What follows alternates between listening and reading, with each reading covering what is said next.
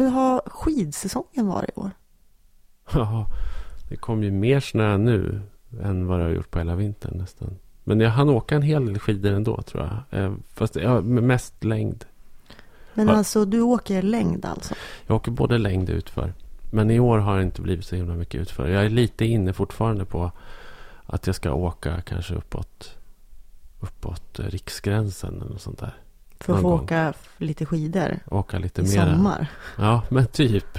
Ja, men till midsommar kan man ju, i, Ja. i, om det är bra. Det har kommit ganska mycket snö där nu nyligt. Så det kanske funkar.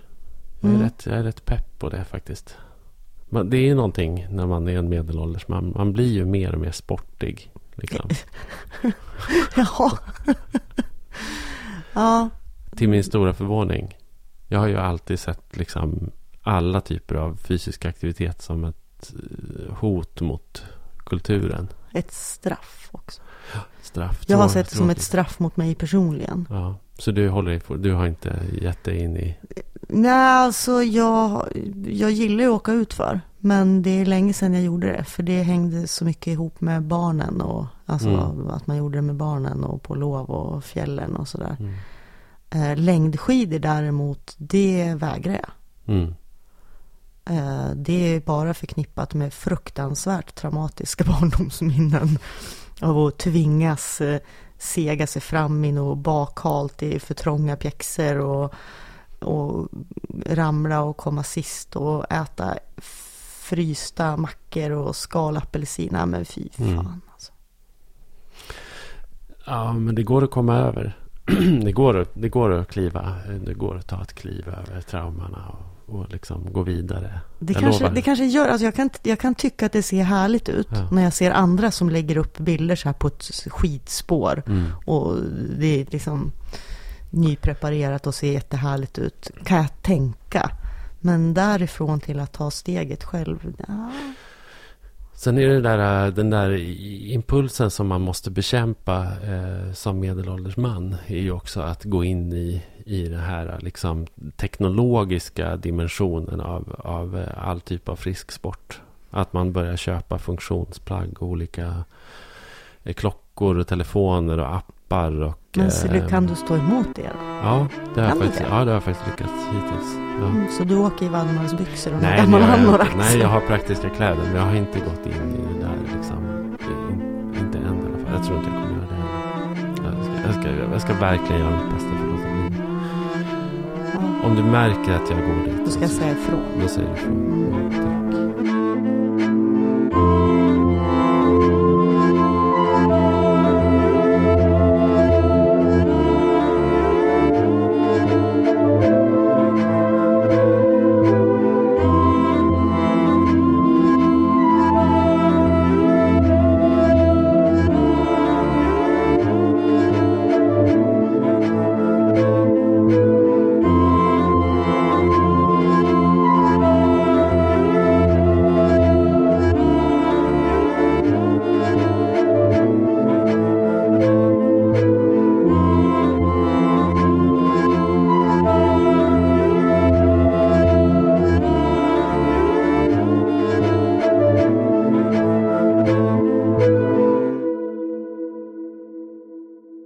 Ja, det går ju liksom åt eh, samma håll allting eh, känns det som. Eller det är så här, eh, det, startas ju inte särskilt mycket nya norrländska medier. Utan det är snarare bara som att mediernas liksom närvaro i, i Norrland försvinner mer och mer varje gång. Varje gång det är en nyhet så är det ju i regel en negativ nyhet. Och den senaste negativa nyheten är ju att TV4 stänger ner lokalkontor i, även i Norrköping, Jönköping och eh, vad var det nu? Falun. Falun va? Mm. Men, men också i Sundsvall. Mm. Eh, Det är några år sedan som de la ner sina lokala sändningar. Ja, Eh, De hade ju det ett tag, Mm. både, både morgon och kväll, nyhetssändningar som försvann. Men de behöll ju då reporterteam på platserna Mm. som då har levererat nyheter till, till nyhets, nyheterna, TV4 Mm. Nyheterna. Så att ja, nu försvinner de också. Och vad det kommer betyda är väl just, alltså, tänker jag, att eh, Sundsvall och Sundsvallsborna ännu mindre än tidigare får vara eh, då en del av den vanliga mediebevakningen. Alltså om du sitter till exempel på en desk i Stockholm och sen så händer det någonting, eh, en politisk händelse eller det kommer ett slutbetänkande eller eh, någon typ av proposition och sen så ska den här bevakas på något sätt. Och då har man ju då tidigare kunnat ringa till Sundsvall och till det här reporterteamet och så kan man säga till dem, åk ut till Birsta och fråga vanligt folk eh, om hur de här förändringarna i sjukförsäkringssystemet slår mot er. Och sen så får man då en slags eh, närvaro eh, i, i riksnyheterna av, mm. av det där då. Förutom då bevakning av sånt som händer i Sundsvall. Och det där är ganska allvarligt tycker jag. Det är väldigt allvarligt. Eh, dels, alltså man säger, vad som är kanske lite mindre allvarligt i, i, i det stora hela, det är ju att, att eh, hela Sverigebilden påverkas ju för alla som tar del av nyheter. Mm. Att, att den blir snävare och mer storstadsfixerad och, och um, det kan framstå som om eh, landsbygden och småstäderna överhuvudtaget inte existerar. Men det, fa det som är farligt eh, och som du är inne på, det är ju att eh, ju mindre folk känner igen sig mm. i, i den bevakning som sker, desto mindre gemenskap och sammanhållning känner man ju med samhället mm. och samhällsinstitutionerna. Och det är ju på riktigt allvarligt, för det, det påverkar ju folks förtroende för politiker eh, och det påverkar hur folk röstar. Mm. Eh, och det är farligt, och det, och det, och det, men det är så svårt också att peka, peka ut ansvariga här. Eh, det är klart medierna har ett ansvar, men vilka är medierna? Medierna är ju som TV4, det är ett Bonnierföretag. Mm.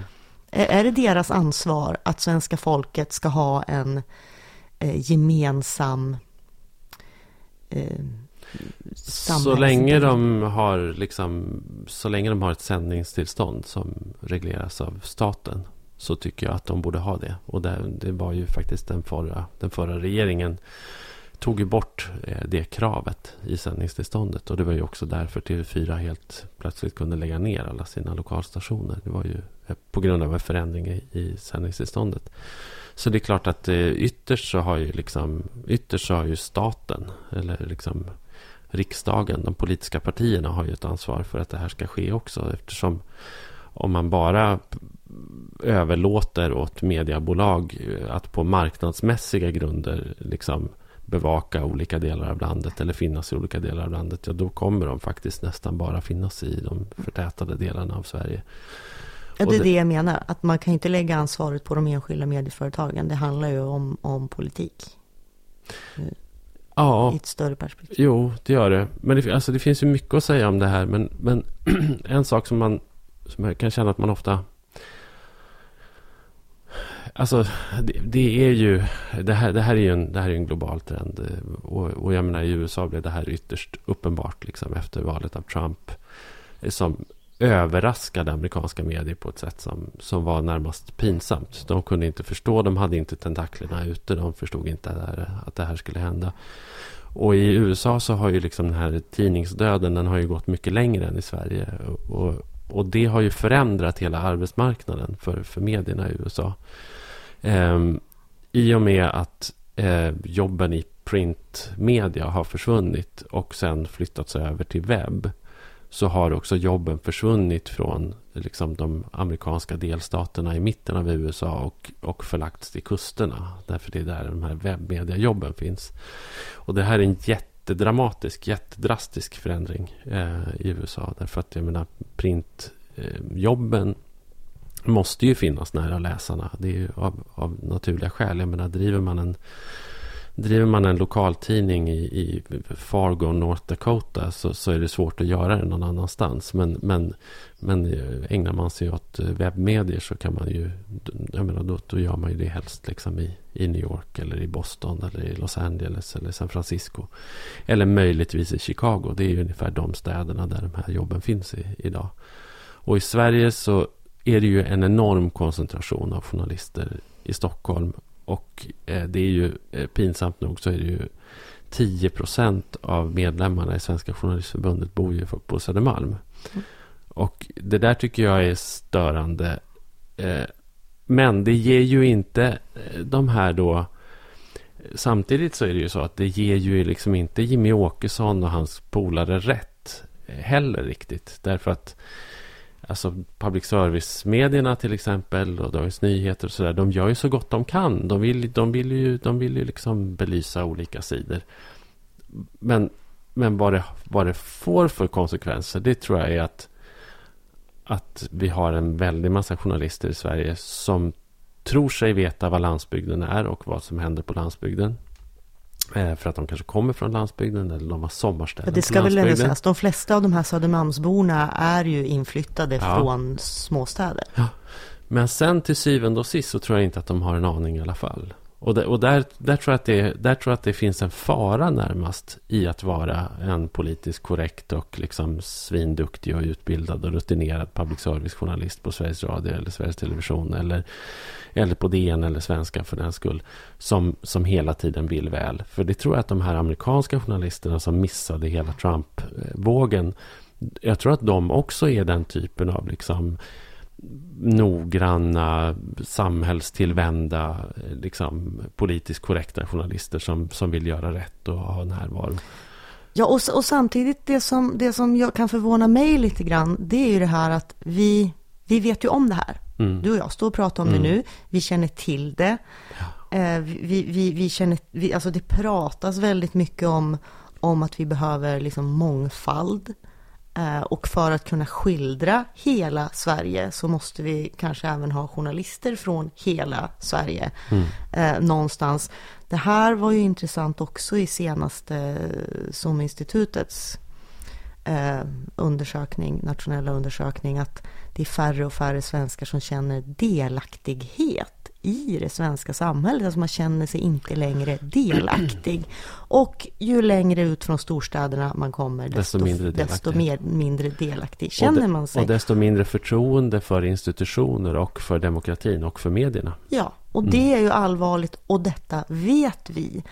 Eh, sen så tänker jag att det har blivit, när vi pratar mångfald, så har det på senare år också i den då politiskt korrekta mediebranschen blivit en slagsida där åt att mångfald skulle handla om att vi behöver personer av olika etnisk bakgrund. Mm. Det är jätteviktigt, men vi glömmer helt bort att vi kanske behöver personer också med olika social, ekonomisk bakgrund från olika delar av landet.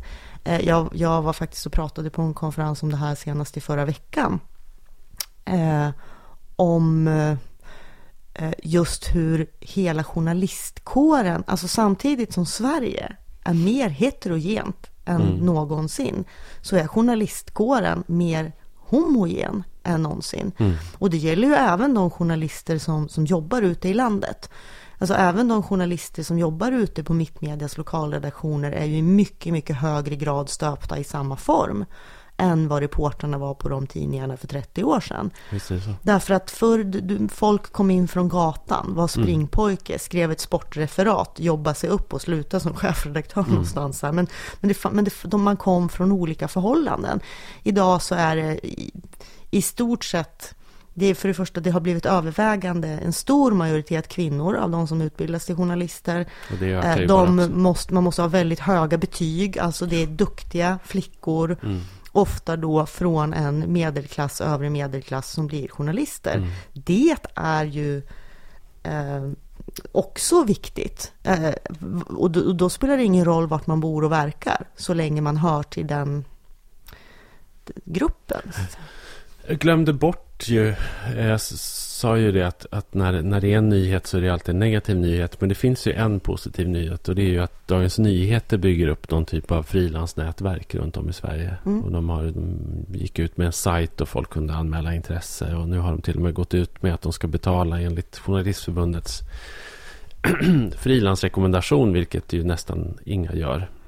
Nej. Så att de här journalisterna skulle dessutom få vettigt betalt mm. när de jobbar, ska ju sägas. Därför de får ju inget grundarvode. Det finns ju liksom ingenting att luta sig på. Utan det är ju enbart när den här centraldesken, så tolkar jag det, lägger ut jobb på respektive reporter som det händer.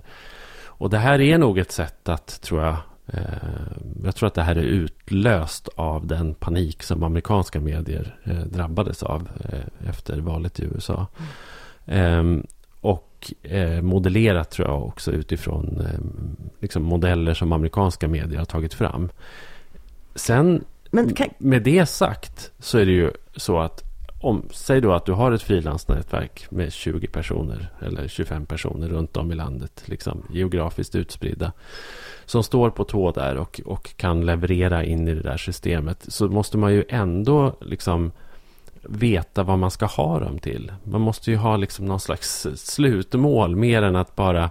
Eller också, eller också har eller också har bara närvaron eh, ett, själv, är liksom ett självändamål. Jag, jag vet inte riktigt. Liksom... Det, det, är jättesvårt att säga. Det är också svårt att säga när man inte vet vilka de här personerna är och så att säga vad de, vad de fyller upp resten av tiden med. Alltså Nej. vad är deras inriktning? Vad har de för kontaktnät? Ja, alltså vad, för man kan ju också tänka sig att, att journalister ofta är ändå individuella och har liksom egna saker man brinner mer eller mindre för och så. Mm. Så, så det kan nog komma att se annorlunda ut. Men man får väl hoppas att det finns någon tydligare tanke och Ja, det kommer väl visa sig. Kriterier ja. för det här. Ja. Eh, nej, men alltså det är jättebra. Man, man, kan till och med fundera på om, om det är så. Alltså jag vet inte, men i flera år nu så har man ju varit himla orolig för någon slags utveckling mot mer populism och högerextremism och, mm. och det, ser, det ser illa ut. Men om Trump blev på något sätt eh, att han valdes den här ögonöppnaren som ändå gör att att vi i Europa nu på olika nivåer och i olika, olika sammanhang, både från medier, från politikerhåll, mm. institutioner, faktiskt ser allvarligt och, och på riktigt försöker åtgärda det här. Ja, ingen kan ju längre säga att man inte vet vad som händer om man bara liksom skiter i allt. Eh, det funkar ju inte. Så att jag menar, det, jag, jag Nej, men det, är också ganska, det kan ju också vara vi... ganska långt från, från snack till verkstad. Vi ja. ser det, vi vet det, men det verkar som om man i på olika sätt ändå faktiskt försöker göra någonting åt. Ja, men hur? Det är väl det som är liksom, jag, jag, jag vet inte, jag har ändå ganska svårt att se liksom hur man, hur man, vänder, hur man vänder skutan liksom och får folk att det, det blossar ju upp eh, också liksom ständiga diskussioner om de här eh, betalväggarna. Eller det heter, vad, vad är det ja. ni kallar dem för på mittmedia? Vi ni, kallar ni, det ni inte för, betalväggar. Det heter plus. Plusmaterial. Plusmaterial. Mm. Och det mesta är ju plusmaterial nu. Inte bara i min, Mittmedia-koncernen utan eh, även på en massa andra lokala ja. medier. Vilket ju har eh, som avigsida då att om du inte är... Eh, vad det får för konsekvens helt enkelt är ju att eh, du når de som du inte behöver nå med det materialet.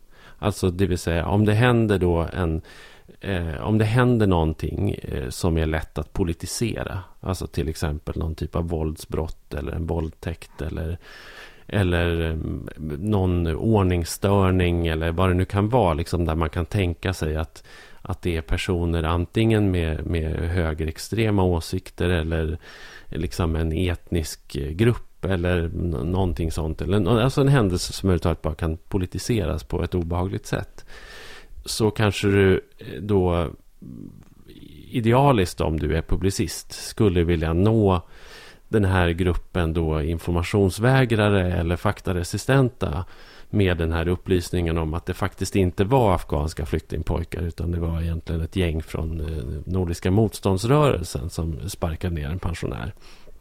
Eh, men då ligger det materialet eh, då låst för för alla som inte prenumererar. Vilket gör att du inte når dem som du behöver nå med den informationen. Eh, och det där kan jag också se som ett problem. Samtidigt som jag givetvis då sympatiserar med mediebolagens behov av att ta betalt för sitt arbete. Så kan jag ju se att det här lämnar ju fältet fritt för då alternativa medier som inte ligger bakom betalväggar eller som inte tar betalt för sin journalistik. Självklart är det så. Och jag, kan, alltså jag jobbar ju i ett företag som tar betalt och jag är anställd och jag vill ju såklart ha min lön mm. varje månad. Men jag har ändå väldigt svårt att tro att de betallösningar som vi har nu är lösningen. Därför att för att komma upp i, i volymer av intäkter motsvarande eh, de man har fått av prenumerationer och, och, här måste vi också hålla i huvudet då att i, takt med att, i takt med att liksom pappersupplagan minskar så minskar även annonseringen och den, de pengavolymerna kommer man inte heller upp i på nätet. Ja, sådär. Så, så har jag svårt att se att det finns underlag för alla lokaltidningar till exempel att, att, att göra det här till en lyckad, liksom lyckad modell. Sen så har jag hävdat i alla år att när människor betalar för en eh, prenumererad tidning. Det man betalar för är inte det journalistiska innehållet, utan man betalar för tryck och distribution och någon slags ritual och en vana. Eh, du betalar för att få, få nyheterna paketerade mm. och hemskickade. Och det har alltid varit eh, annonsörer som har betalat så att säga, journalistiken. Medan prenumeranterna betalar tryck och distribution. Mm. Och när, när man då ska läsa nyheter på webben så då tycker man ju, upplever man ju att man redan har betalat. Jag har betalat min hårdvara, jag betalar för mitt internet, för min mm. uppkoppling. Ska då också betala för innehållet mm. i det mm. här extra? Eh, och, och, och jag tror också att man måste, att, att människor, att många, de flesta förstår att journalistik kostar. Och jag tror också att de flesta är beredda att betala för det.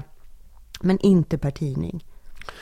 Ja, men jag tror också det. Men problemet är att de som kan och är beredda att betala för det är kanske inte de som man primärt behöver nå i vissa, Nej, fast jag i tror, vissa lägen. Jag tror att vi kan få många andra att betala också. För vi har väldigt många människor som betalar 100 spänn i månaden för Spotify. Som betalar 100 spänn i månaden för Netflix. Som betalar. Så jag vet. Får vi en sån lösning där du kan betala 100 spänn i månaden för att få tillgång till all svensk nyhetsjournalistik. Då tror jag att de vi vill nå också skulle, skulle göra det. Ja, fast det är inte så nu. Och, och, och det uppstår sådana här situationer varje vecka i princip. Eh, där viktig information som skulle kunna stävja ryktespridning ligger bakom en betalvägg och därför inte kommer ut. Och där tycker jag, jag kanske då att eh, de publicister och ansvariga utgivare som lyssnar på vår podd kanske skulle ändå kunna tänka sig att om det uppstår ett sånt här läge att det, att det liksom är en typ av politiserad nyhet eller någonting som skapar ryktespridning så kanske man skulle överväga att låsa upp den typen av material åtminstone tillfälligt. Och det kanske görs det tror jag också. Görs. Det tror jag eh, faktiskt för att, görs. För det mm. ironiska är ju att dina eh, opinionstexter till exempel är ju ytterst sällan eh, plusmärkta. Aldrig. Eller aldrig. Och, och, och, ja, och det, det, där är ju ingenting som bara Mittmedia ägnar sig åt. Utan det där är ju många tidningar som har en sån modell. Till exempel där opinionsbildningen då eh, behöver man inte betala för. Eh, Medan eh, nyhetsarbetet behöver man betala för. Och det där, det, med tanke på det som jag just sa om politiserade nyheter så blir det där nästan etter värre skulle jag säga ibland. Mm. Men eh, ja, svårt för dig att säga någonting om kanske. Ja, men alltså jag kan, jag kan, jag kan ha en allmän uppfattning. Ja. Eh, men, men jag kan säga att för mig personligen så är det viktigt för mig att mina texter inte är bakom betalvägg. Mm. För jag vill att de ska nå så många som möjligt, såklart. Mm.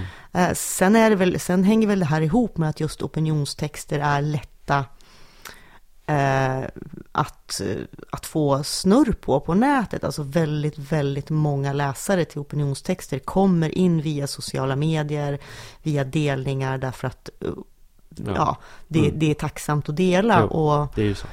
Och de drar, drar trafik så. Mm. Eh, Medan nyheter och särskilt på lokaltidningar då i mycket högre omfattning är de här trogna läsarna som mm. går in på st.nu för att de vill veta vad som har hänt i Sundsvall. Mm. På, på ett helt annat sätt och då kanske också blir lite mer benägna att betala mm. för det nyhetsinnehållet. Ja.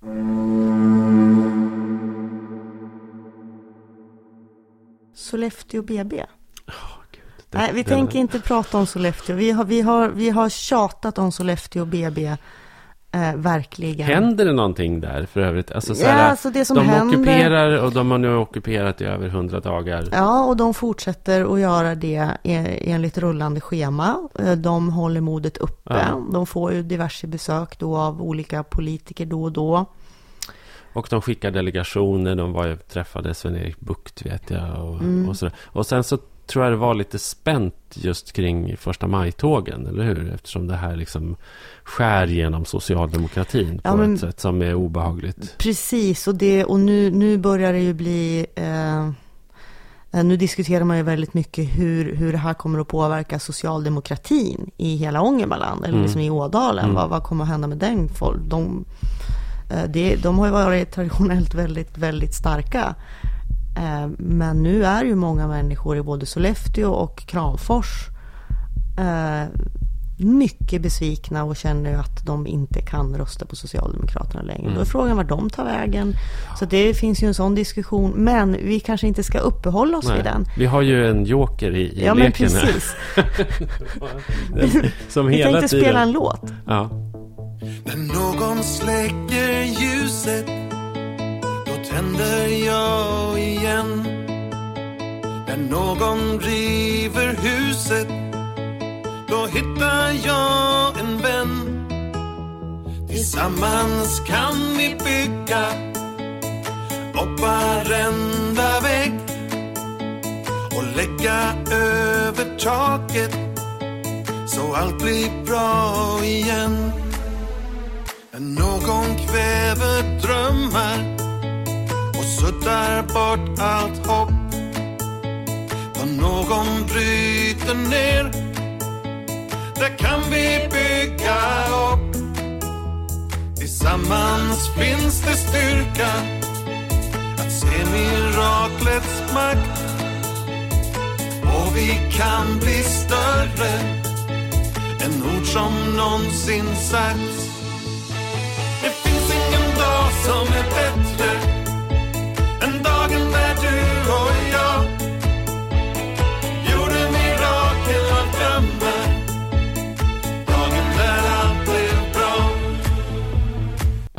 vad ska vi säga om den där då? Det är ju alltså eh, då eh, Per Herrey. Eh, en av bröderna Herrey. Eh, Den äldsta. den Den äldsta. äldste br- brodern Herrey. Ja. Eh, som av någon anledning som är lite dunkel har engagerat sig med själ och hjärta i BB-nedläggningen Kom det inte fram att han faktiskt har en syster som är född på det där BB? Jo, och Eller- familjen, mormonfamiljen Herrey då, Mm. bodde ett år i, i Sollefteå eller något sånt där, Mm. när, han var, när han var barn. Mm.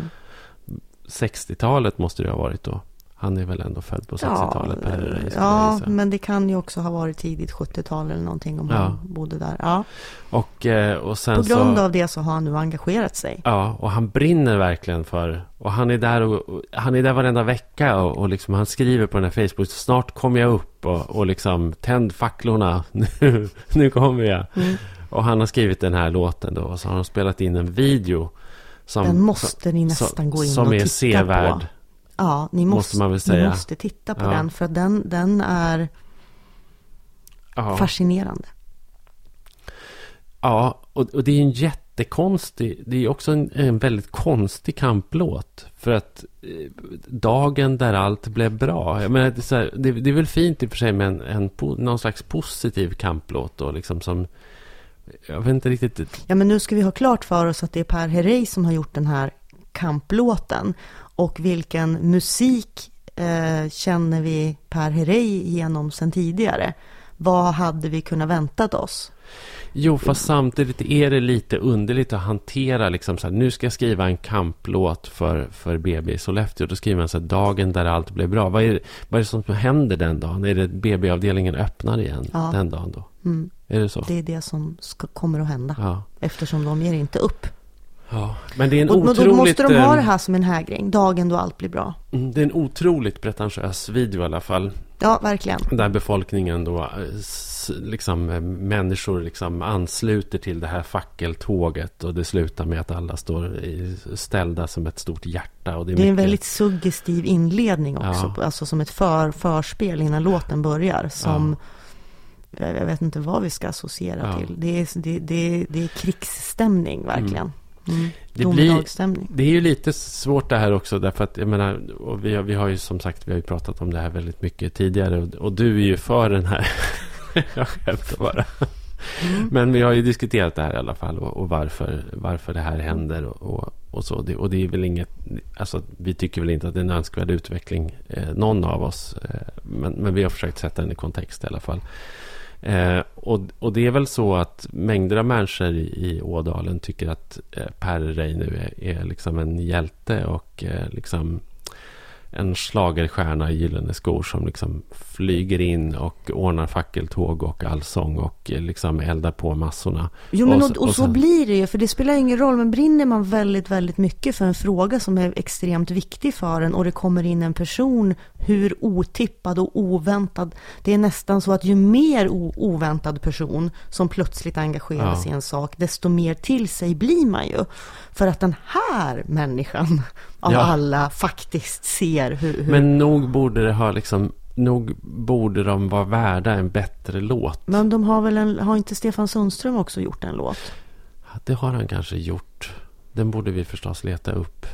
Eh, Han är ju också engagerad och han kanske, det har vi också nämnt. Det Att, han, att han har ett, Ja. ett, ett kanske lite mer, han har åtminstone en ty, tydlig en nutida koppling till Ådalen. Ja, precis. Man, kan, man ska, hade ju kunnat tänka sig ett slags samarbete mellan Stefan Sundström Per Rey.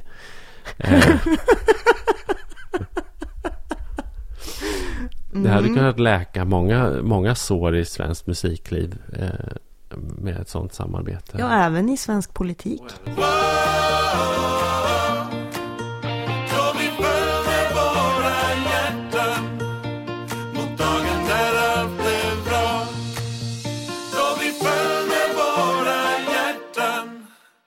mot dagen där allt blev bra. Hur som helst, det är inget, inget vidare, eh, måste jag säga. Eh, men, men vi har också hittat en, vi har också hittat en annan eh, märklig kamplåt. eh, För Norrland. Ja, och den är ju inte liksom då, eh, den är inte särskilt specifik. Utan den, den är, den, det är bara en slags allmän kamplåt. Mm var Axel Oxenstiernas ord När han talade om att kolonisera Om att våldta moder jord Trots att det är 400 år sedan Så ser tänket likadant ut och den här exploateringen ledd av regeringen verkar inte ha något slut. Det är vi som är Northern Indians. Vi går i våra fäders spår. Som är Northern Indians. Det är samma kamp nu som då. Skogen, älvarna och malmen. Och det här är alltså någon slags... Eh, ehm, det är någon duo från Piteå, tror jag. Så mycket har jag lyckats lus, luska ut. Lite anonymt så här. De heter Northern Indians och den här låten heter också Northern Indians. Och de sjunger om sig själva att de är the Northern Indians. Och, och den här texten är ju lite så här... Äh, den, den, den, den är jobbig för mig, måste jag säga. För att det känns på något sätt... Eh, det känns på något sätt som att jag har eh, någon slags eh, skuld i detta. Med, med din Axel Oxenstierna som... Att, att det, är lite, det är lite som Mm, att den här det var texten... du som började. Den här texten är lite grann som ett, ett nedkortat eh, föredrag av mig som jag höll för fyra år sedan kanske. Mm. Eh, Din bok som låt. ja, min bok som, eller liksom typ så här baksidestexten på, på min bok. Pressmeddelandet om min bok eh, Ja. som, som låt. Det är ingen dålig låt. Det, det är väl Det är helt... inte en väldigt bra låt heller. Nej, men, men jag, jag tycker den är bättre än Per Rey. Om, Ja, man, om jo, man ska jo, vikta dem så, så tycker Mm. jag väl kanske att det här är tre plus och Per Rey är, är liksom en överkorsad Ja, geting. men sen är ju den här rolig, men den kommer ju inte att göra ett dugg för, för någon slags kamp. Nej, men det finns ju ett gäng sådana här band också. Det finns ju det här Glesbygden eh, som sjunger sådana här eh, låtar också. Eh, och, så det finns ju någon slags norrländsk eh, liksom, kampvilja, kamptradition sådär, som, som har vaknat till liv lite grann. Och jag tycker ju på sätt och vis så tycker jag väl att det är väl bra att man, att man gör låtar om liksom, koloniseringen av Norrland. Eh, men det är ju liksom, jag vet inte, var, men, men det, jag kanske inte är målgruppen heller. Eh, riktigt. Uh, nej. Nej, alltså Men jag, de är nog min målgrupp tror jag. jag är väldigt öppen för, för yttrandefrihet. Så, nej, men, alltså, det, är väl, det är väl kul att det finns folk som gör låtar om precis allting. Även, även om Norrland och även om koloniseringen av Norrland. Mm. Eh, sen vet jag inte, som sagt, den här fick inte mig att känna så mycket åt något håll liksom.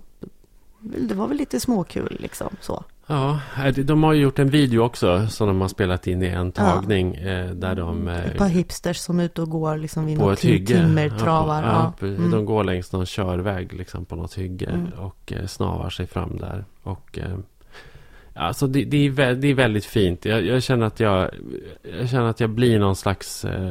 Nu när vi pratar om det här. Jag tycker inte om den här rollen som jag får. Lite, jag känner mig lite grann som någon slags tonårs, tonårspappa som, som har sett allt och hört allt på något sätt. Jaha, så nu ska du... Ja, okej. jag Förstår fattar. du vad jag menar? Ja, jag förstår att det precis. Blir, det blir lite så här som att jag, jag, tycker att det, jag tycker det är bra, men jag känner ändå någon slags så här äh, behov av att distansera mig. Jag känner mig inte riktigt bekväm med det. Och jag tänker också att, att eh, ja, men de som tycker om låten kanske blir ledsna om inte jag tycker om den. Jag vet inte. Ja, fast den här låten gillar vi ju. Alltså vi tycker Jo. inte illa om den. M- mer, den, den, är mer bara... Jaha, Mm. Ja. lite så. ja äh, alltså tycker, tycker jag då. Men, men man kanske ska lyssna på den flera gånger. ja, ja. Eh, Den, den kanske kommer att bli en riktig liksom roadtrip-hit. Mm. Ja, vi är ju ganska sporadiska med podden nu. Eh, vi körde ju en jäkla räcka eh, i höstas, vintras där. Mm. Då spottade vi ur oss typ en podd i veckan under en period. Ja, vi var lite intensiva. Ja, Mm. och sen har vi inte riktigt haft tid. Eh, och det är ju lite så här. Men det är ju därför eh, vi har ett sån himla bra lösning på det. För de som ändå vill stötta den här podden. Så har vi ett konto på patreon.com snedstreck Norrlandspodden. Där man kan bli in, eh, gå in då och bli eh, avsnittsdonator. Och då dras det bara pengar när vi släpper ett avsnitt. Så att när vi inte släpper avsnitt så behöver man faktiskt inte betala för det. Nej, så det är try- tryggt och bra på det sättet. Och i början var det, ju, var det ju någon som kände sig lite orolig för att vi skulle liksom släppa tre avsnitt i veckan eller något sånt där. Men det, det kommer inte att hända. Nej, det Eh, inte så ni hända. behöver inte vara oroliga Nej, för det. Att det utan ska det- bli liksom... Snarare en, en ganska sporadisk framtid till mötes den här podden Mm. tror jag. Men, men eh, Vi är jag- jätteglada för att det finns folk som, som faktiskt gillar oss och, och vill stötta oss. ja, Och eh, för er som ännu inte gör det men känner att, att ni gärna vill ha mer av Norrlandspodden så, så gå in på patreon.com slash Norrlandspodden. ja, det är ju ändå ett incitament för oss. Det måste man ändå säga.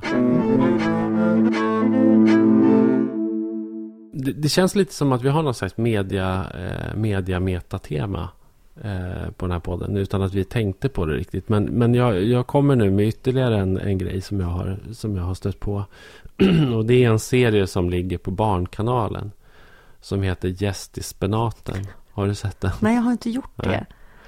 Ehm, det eh, Eh, är då, eh, det, det, det måste ju sägas först och främst att, att den har ingen Norrlandsanknytning. Men den har en slags landsbygdsanknytning då som, som, eh, som väl kan uppfattas som generell. Som vi kan prata om. Och, och konceptet är i alla fall följande. Eh, det är ett par som heter Tor och Johanna. Eh, och de har då tidigare varit entreprenörer i någon slags ekokonfektionsbransch och haft affär eh, på Manhattan och i, Stockholm. Och de har hoppat av det här ekorrhjulet och nu bor de i någon slags kollektivby i Sörmland. Eh, och de har varken dusch eller toalett. eller rinnande De har ingen vatten. elektricitet. Eller har de det? El tror jag att de har Ja. faktiskt. Men de har inte telefon, eh, dator, surfplattor. Och eh, barnen har inte telefoner. De har aldrig haft. Liksom. det låter så här sektvarning. Och de har mycket, det är mycket linnekläder. Är det, liksom, och, eh, det, och lite andligt på något sätt. Sådär, och lite långsamt. Ull. Det är lite ull och linne. Ull och linne. Ull Ja. och linne och lite sådär. Och göra saker själv och så. Och i det här programmet då så gästas de eh, liksom på ett veckoslut eller en helg av olika kända svenskar med barn. Som då ska få liksom veta hur det är på landet. Oj. Ja, och eh, då är de här personerna är ju som då hämtade från, liksom, eh, jag vet inte. De är ju som, det är som att man har tagit det där uppslaget i, i Hänt i veckan med, med den där premiären på Lejonkungen. Eh, det är liksom typ de familjerna. Det är Martin Melin, kändispolisen med barn. Det är Josefin Crawford, eh, känd för ingen vet längre vem, var, varför hon är känd. Eh, hon var känd och nu är hon känd för att hon var känd. Och med barn. Det är Arga snickaren med barn. Eh, och det är eh, Tilde Fröling med barn. Och inte minst eh, den gamla nakenfotografen Bingo Rimér med barn. Eh, och då lämnar då sin, sin urbana tillvaro eh, för att tillbringa en, en helg då på det här hippietorpet eh, 40 minuter från Stockholms innerstad. Eh, där de får hjälpa till med att, att eh, Men är det så här då alltså att de kommer dit och blir helt wow och oj och vad hemskt och hur kan ni le? Alltså hur... lite så är det, det. det blir lite, det blir väldigt exotifierande och, Ja, och ex- väldigt extremt. extremt, eh, Ja. kontrasterande. Ja. Ja, men ty, är, det, är det bra då? Nej, nej, det är outhärdligt. Eh, verkligen. Eh, Men det är Barnkanalen alltså? Ja, det är Barnkanalen. Och, och det, det, det, ju, det leder ju så jävla fel. Jag, jag, kan, jag kan verkligen tycka att det här, det här är så kontraproduktivt. Liksom, för att det här handlar ju inte... Det här handlar ju inte alls om att vara gäst i spenaten eller, eller, eller gäst på, på landet eller få veta hur, hur det är på landet. Utan det här handlar ju helt enkelt bara om eh, ett gäng kändisar som, som hälsar på någon annan typ halvkändisfamilj eh, och som har gjort väldigt udda livsval. Eh, och, det har ju ingenting med det har ju ingenting med landsbygd eller, eller liksom När är det ursprung- sånt public service ska ägna sig åt då tycker du? Ja, det kan man väl göra, men det är lite fel paketerat. Liksom. Och, och med tanke på hur lite som görs av det här slaget liksom, och hur, hur liten inblick, om man då tänker sig eh, liksom Barnkanalens tittare eh, Eh, och vi, vi, har, vi har ju då en situation då 85 procent av, av Sveriges befolkning, eh, och inklusive barn, bor i städer. Eh, så att de flesta som tittar är ju då eh, olika stadsbarn eller stadsfamiljer som tittar på detta. Och eh, under Men, men förespeglingen det de bidrar får- ju mer till att skaffa en väldigt, väldigt skev bild av hur det är att leva på landsbygden. Ja, eller exakt, eller det framgår det på något sätt i programmet för tittarna att det här är extremt? Så här, det, här, det är inga normala människor på landsbygden Ja. som lever så här, utan det här är verkligen Jag tycker inte man sätter den en referensen på riktigt. Jag tycker inte man sätter den referensen riktigt. Jag tycker att det, det beskrivs i början att de har hoppat av sitt, eh, liksom det som många skulle betrakta som ett drömliv, det vill säga som entreprenörer på Manhattan, för att göra det här istället. Men jag tycker inte det framgår att, att deras livsval eh, liksom är väldigt ovanliga i en lantlig kontext. Nej. Eh, för det är det ju verkligen. Mm. Jag skulle väl säga att egentligen att deras livsval, att ha det på det där sättet, mer motsvarar någon slags väldigt urban, eh, över medelklass miljöpartistdröm om landsbygden. Alltså Mm. så som många vill leva sina sommardagar. Det här är ju också inspelat under några väldigt vackra sommardagar. Så att det är liksom så här, det är väldigt eh, liksom det är väldigt eh, krispigt och eh, grönt och motljus och liksom och väldigt härligt sådär. Liksom. Så man, man får ju verkligen inte man får ju verkligen inte veta någonting om avigsidorna med att ha utedass och eh, bära vattenhinkar och, och inte liksom ha en ordentlig uppvärmning eh, under, låt oss säga februari eh, i den här serien. Nej, jag vet inte. Jag, jag tycker det är så dystert att, att man hamnar här eh, nu med det där. Mm. Jag vet inte, du, känner du dig peppad att titta? Nej, alltså jag, jag känner mig peppad att titta. Alltså peppad att titta för att jag vill se vad det är. Men det låter ju spontant som du berättade som ett in, helt fruktansvärt program. Eh, Men jag kan titta på det, kanske vi kan återkomma. Ja, när jag har det. sett ett par Ja, avsnitt. gör det. Snäll. Mm.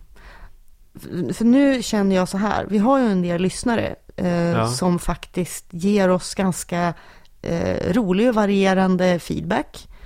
Ehm, och eh, det här tycker jag är lite kul. Eh, vi har då en, en person, hej Lars, Ja. säger vi, Lars Abrahamsson, eh, som, som har lyssnat i kapp. Alltså som, som en ny lyssnare som har suttit nu bara under några veckor och lyssnat i kapp alla avsnitt som det verkar. Ja.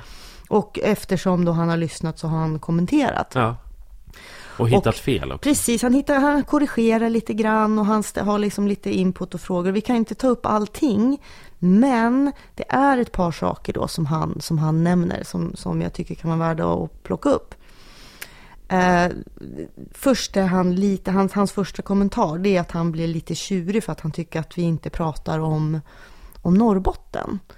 Eh, och då har han nog lyssnat också när vi pratar ett väldigt tidigt avsnitt om om våra liksom smultronställen och fina ställen Mm. att åka på semester. Och, han tycker, han, och så pratar vi om att det finns fin skärgård i Gävle och Sundsvall Mm. och sådär.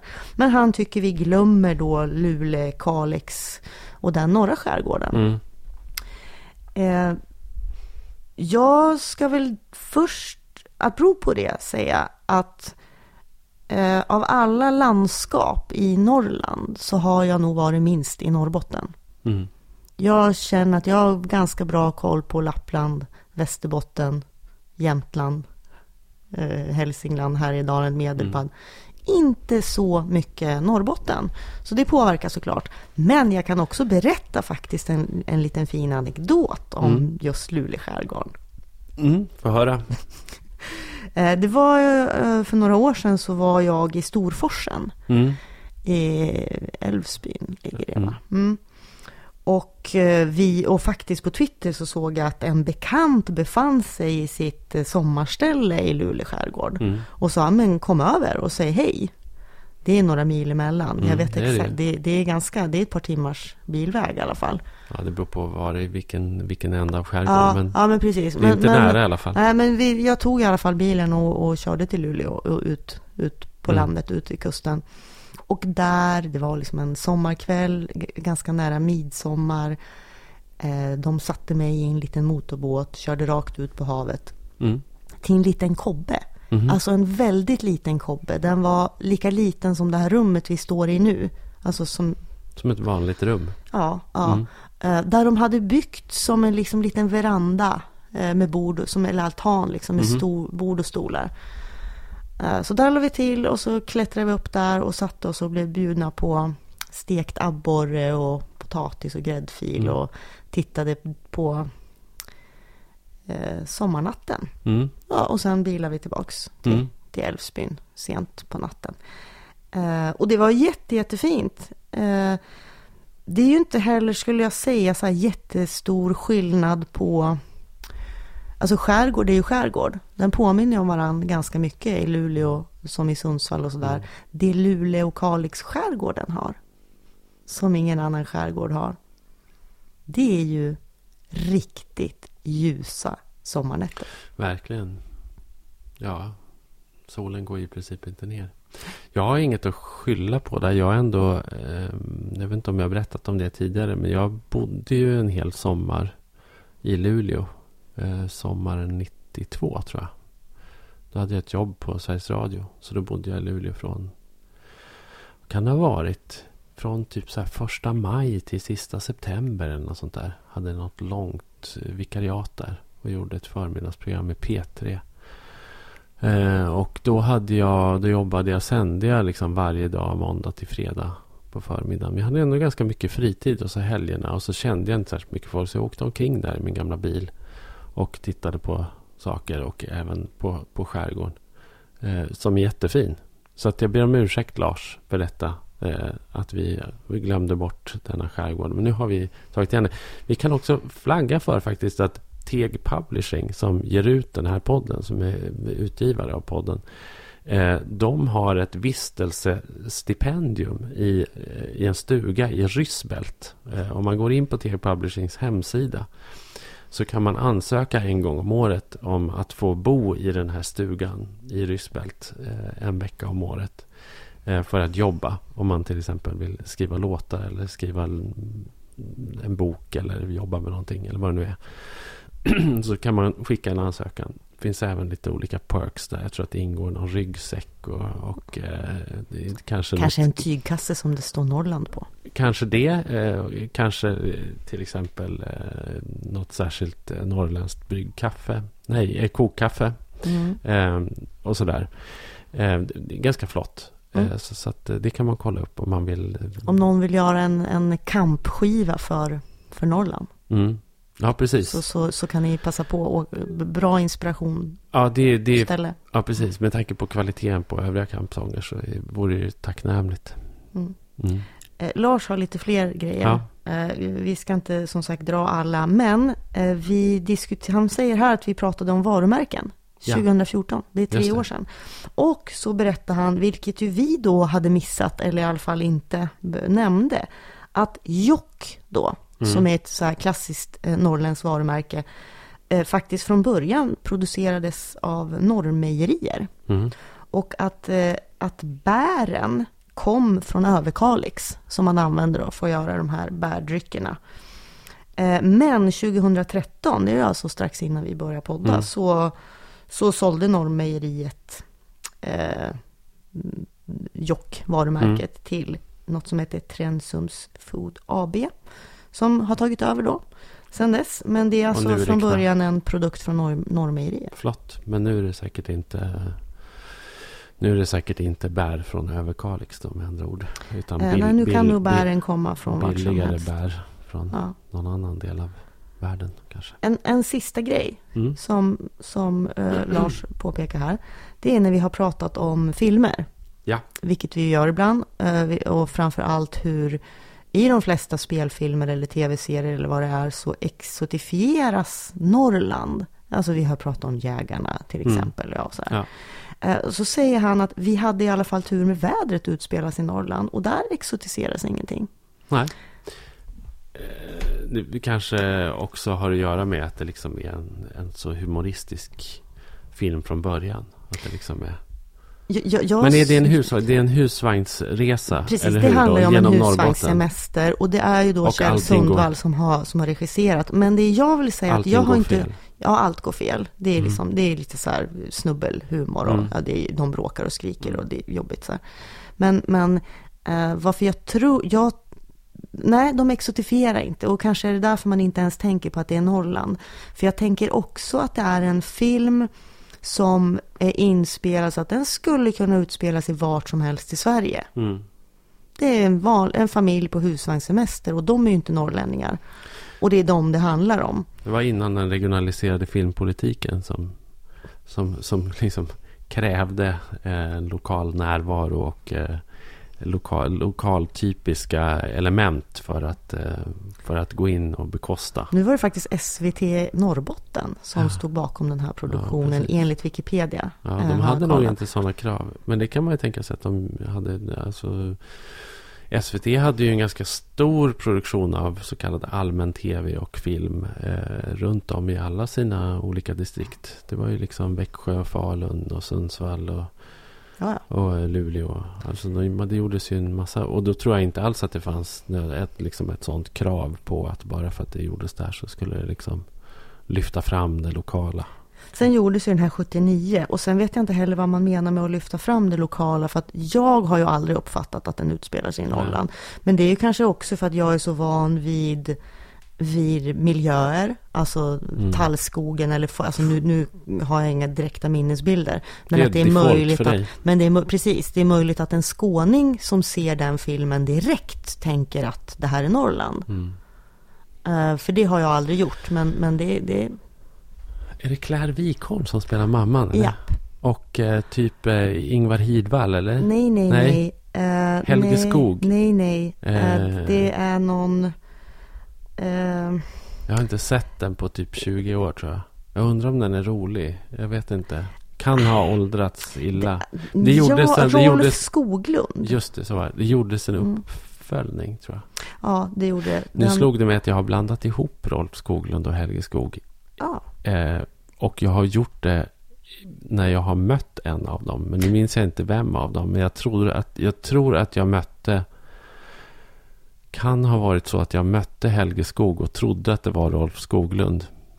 jobbigt. Pinsamt. Det är Slog det mig pinsamt. nu. Jag, hade, jag har trott att det var samma person. jag vet inte ens om det här är, men alltså det, han står ju då beskriven på Men Wikipedia. nu, jag ser honom, att framför, jag ser han- honom framför mig nu Ja. så här röd i ansiktet och upphetsad. han, han är mest känd för sin roll som den stressade pappan Gösta i Sundvalls film Vi hade i alla fall Mm. tur med vädret.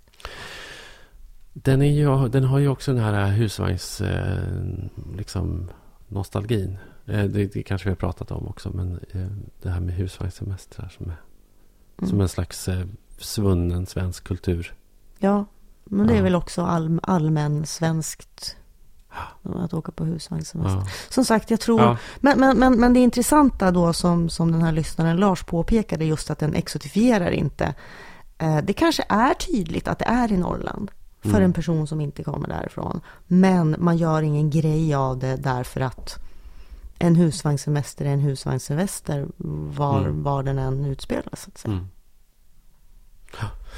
Ja. men det var i alla fall bra. Jag tycker kul att någon eh, tar sig an vår podd och lyssnar igenom hela podden. Mm. Det, det var bra. Vi, vi tycker jättemycket om faktiskt att få, att få sådana små kommentarer Mm. och inspel och tips. Och Mm. eh, vi finns ju på, man kan följa oss på Facebook, Norrlandspodden, där man även kan skicka meddelanden. Och eh, på Twitter kan man följa oss, Mm. på, eller mig Sofia, som heter Mm. Mymlan på Twitter. Eh, Och ska, använda hashtaggen Norrlandspodd. ska vi, det där lät som en avrundning. Ska vi sluta där för idag? Ja, hej då. Hej.